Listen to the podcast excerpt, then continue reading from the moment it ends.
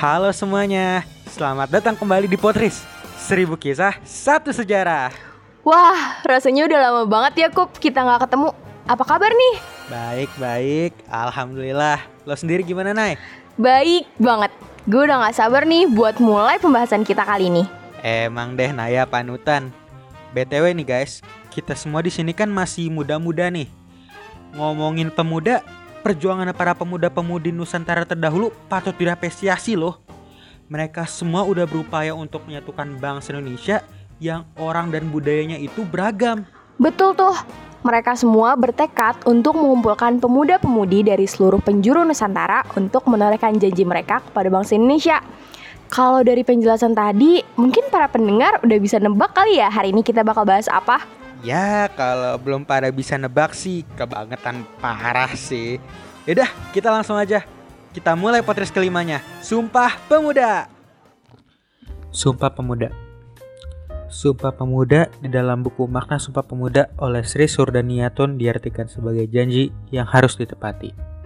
Pada tahun 1908, kesadaran dan tekad rakyat Indonesia untuk melawan para penjajah sudah mulai bangkit. Tepatnya, tekad ini muncul bersamaan dengan berdirinya organisasi Budi Utomo. Setelah perubahan yang terjadi, dengan adanya organisasi tersebut, banyak pemuda-pemudi bangsa yang terinspirasi membuat organisasi modern lainnya di seluruh penjuru negeri. Wah, berarti Budi Utomo emang terbukti ya berpengaruh banget buat perubahan di Indonesia. Sesuai banget tuh sama yang kemarin udah dibahas di Potri sebelumnya. Mantap, Nay. Promosinya keren, gue suka. Tapi emang iya loh, mulai banyak organisasi yang muncul di Indonesia yang tujuannya untuk membedakan bangsa dari penjajah. Walaupun emang sifatnya masih agak kedaerahan, tapi pada akhirnya mereka semua berkumpul jadi satu. Yap, bener banget. Setahu gue, organisasi dari banyak daerah itu kayak Jong Java, Jong Ambon, Jong Celebes, Budi Utomo, dan lain-lain bergabung membentuk Perhimpunan Pelajar-Pelajar Indonesia atau singkatannya PPPI. Bener kan ya, Kup? Bener kok, Nay. Bener. Bener PPPI. Nah, di PPPI ini nih, Sumpah Pemuda yang kita semua kenal sekarang dibentuk. Wah, tapi sebelum Kongres Sumpah Pemuda, masih ada satu lagi nih kongres yang diadakan sama PPPI. Pada tanggal 30 April hingga 2 Mei tahun 1926, PPPI menyelenggarakan Kongres Pemuda 1 yang dihadiri oleh wakil dari banyak organisasi pemuda dari berbagai wilayah Indonesia. Kongres ini dilaksanakan dengan tujuan untuk memajukan persatuan dan kebangsaan Indonesia, serta menguatkan hubungan antar perkumpulan pemuda di tanah air. Meskipun di kongres pertama ini Sumpah Pemuda belum terbentuk, terdapat empat gagasan yang terbentuk.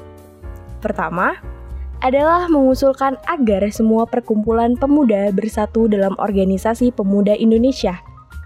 Kedua, mengakui dan menerima cita-cita untuk mewujudkan persatuan Indonesia.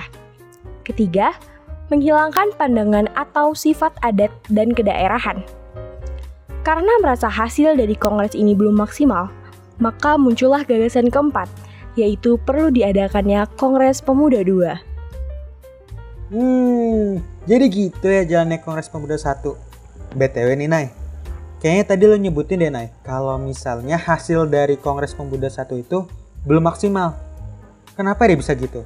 Hmm, jadi gini kok, kan Kongres Pemuda ini terhitung baru ya, karena melibatkan banyak pemuda dari berbagai daerah dengan budaya masing-masing. Nah, saat itu masih terdapat keraguan sebagai organisasi pemuda akan kegunaan persatuan. Selain itu, masih ada kesalahpahaman dan kurang pengertian tentang fusi antara organisasi tersebut. Oh, oke oke. Berarti bisa gue simpulin. Kongres Pemuda 1 belum bisa sukses karena konsep persatuan dan kesatuan sebagai satu Indonesia masih baru dan perbedaannya masih belum bisa ditangani ya.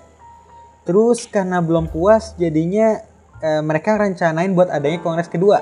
Yap, bener banget. 100 buat lo. For your information, Kongres Pemuda 2 selanjutnya dilaksanain 2 tahun setelahnya. Dua tahun setelahnya, 1926, 1927. Oh, berarti pada tahun 1928 ya?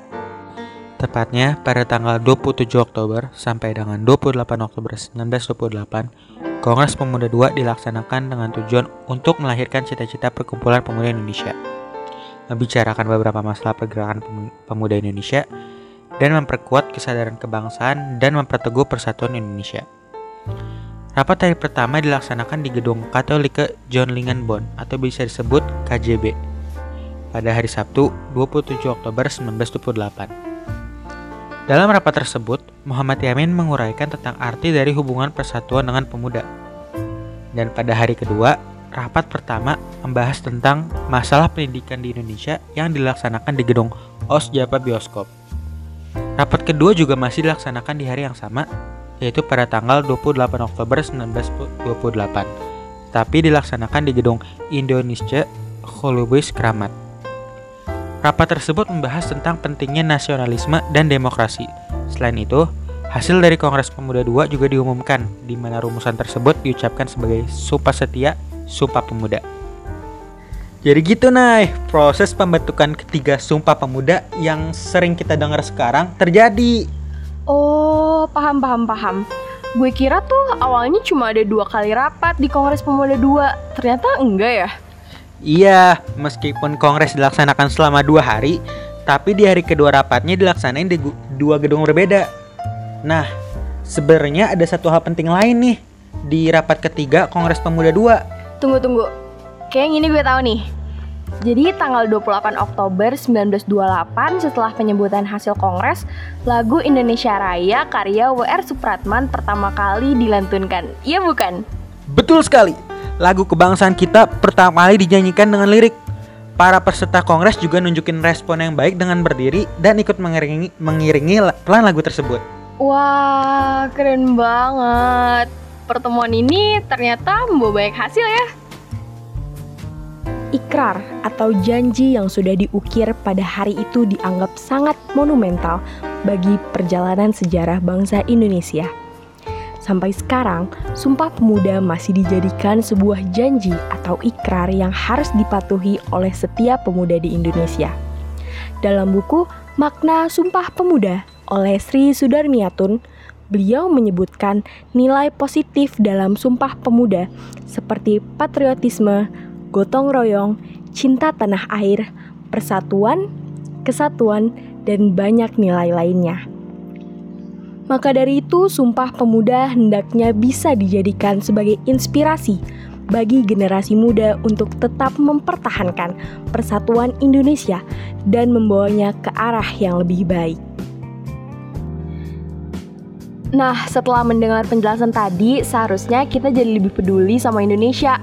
Kita harus melanjutkan dan mematuhi perjanjian yang telah dibuat oleh para pendahulu kita. Bener banget, Inai. Semoga kita semua bisa menjadi pemuda yang lebih baik dan bisa memberikan jasa untuk negara kita sendiri ya. Amin. Oke, karena pembahasan kita udah selesai, artinya berakhir pula potris kali ini. ya, sedih banget rasanya. Apalagi guys, sedihnya lebih kerasa karena gue sama Naya akan bisa di sini. Yang artinya potris episode kelima ini merupakan episode terakhir dari tahun ini. Tapi selain sedih, kami juga seneng banget karena para pendengar udah nemenin kami dari bulan Januari. Belajar banyak hal tentang sejarah yang sebelumnya bahkan mungkin belum pernah didengar. Iya bener. Untuk terakhir kali, kami mengucapkan terima kasih kepada para pendengar yang udah ikut serta mengikuti kegiatan yang diselenggarakan oleh Ekstrakurikuler Siara dan Tech Sound. Mulai dari dengerin podcast, it quiz, dan lihat trivia kami di Instagram. Kalian kece banget deh pokoknya. oke oke, tapi jangan sedih banget ya guys, karena Potris akan kembali lagi di tahun depan dengan host yang beda tentunya. Kami jamin pasti Potris tahun depan gak kalah seru deh dari Potris tahun ini. Jadi stay tune ya. Nah, bener banget tuh kata Naya. Biar tetap keep up sama infonya, kalian bisa follow Instagram kami di @siara8jkt dan tag @techsound8. Oke oke, kayaknya udah cukup nih kita menyeknya. Sebelum kami tutup, jangan lupa ya isi kuis yang udah kami cantumkan di description box atau yang bisa kalian lihat di bio Instagram @share8jkt. Tentu, tentu aja seperti biasa akan ada orang beruntung yang berkesempatan dapat GoPay sejumlah 50.000 untuk 5 pemenang. Dengan ini, Potris episode 5, Sumpah Pemuda kami tutup. Potris, seribu kisah, satu sejarah. Goodbye Bye bye semuanya. guys. Udah, aku udah gua tisu, udah. Gak kuat.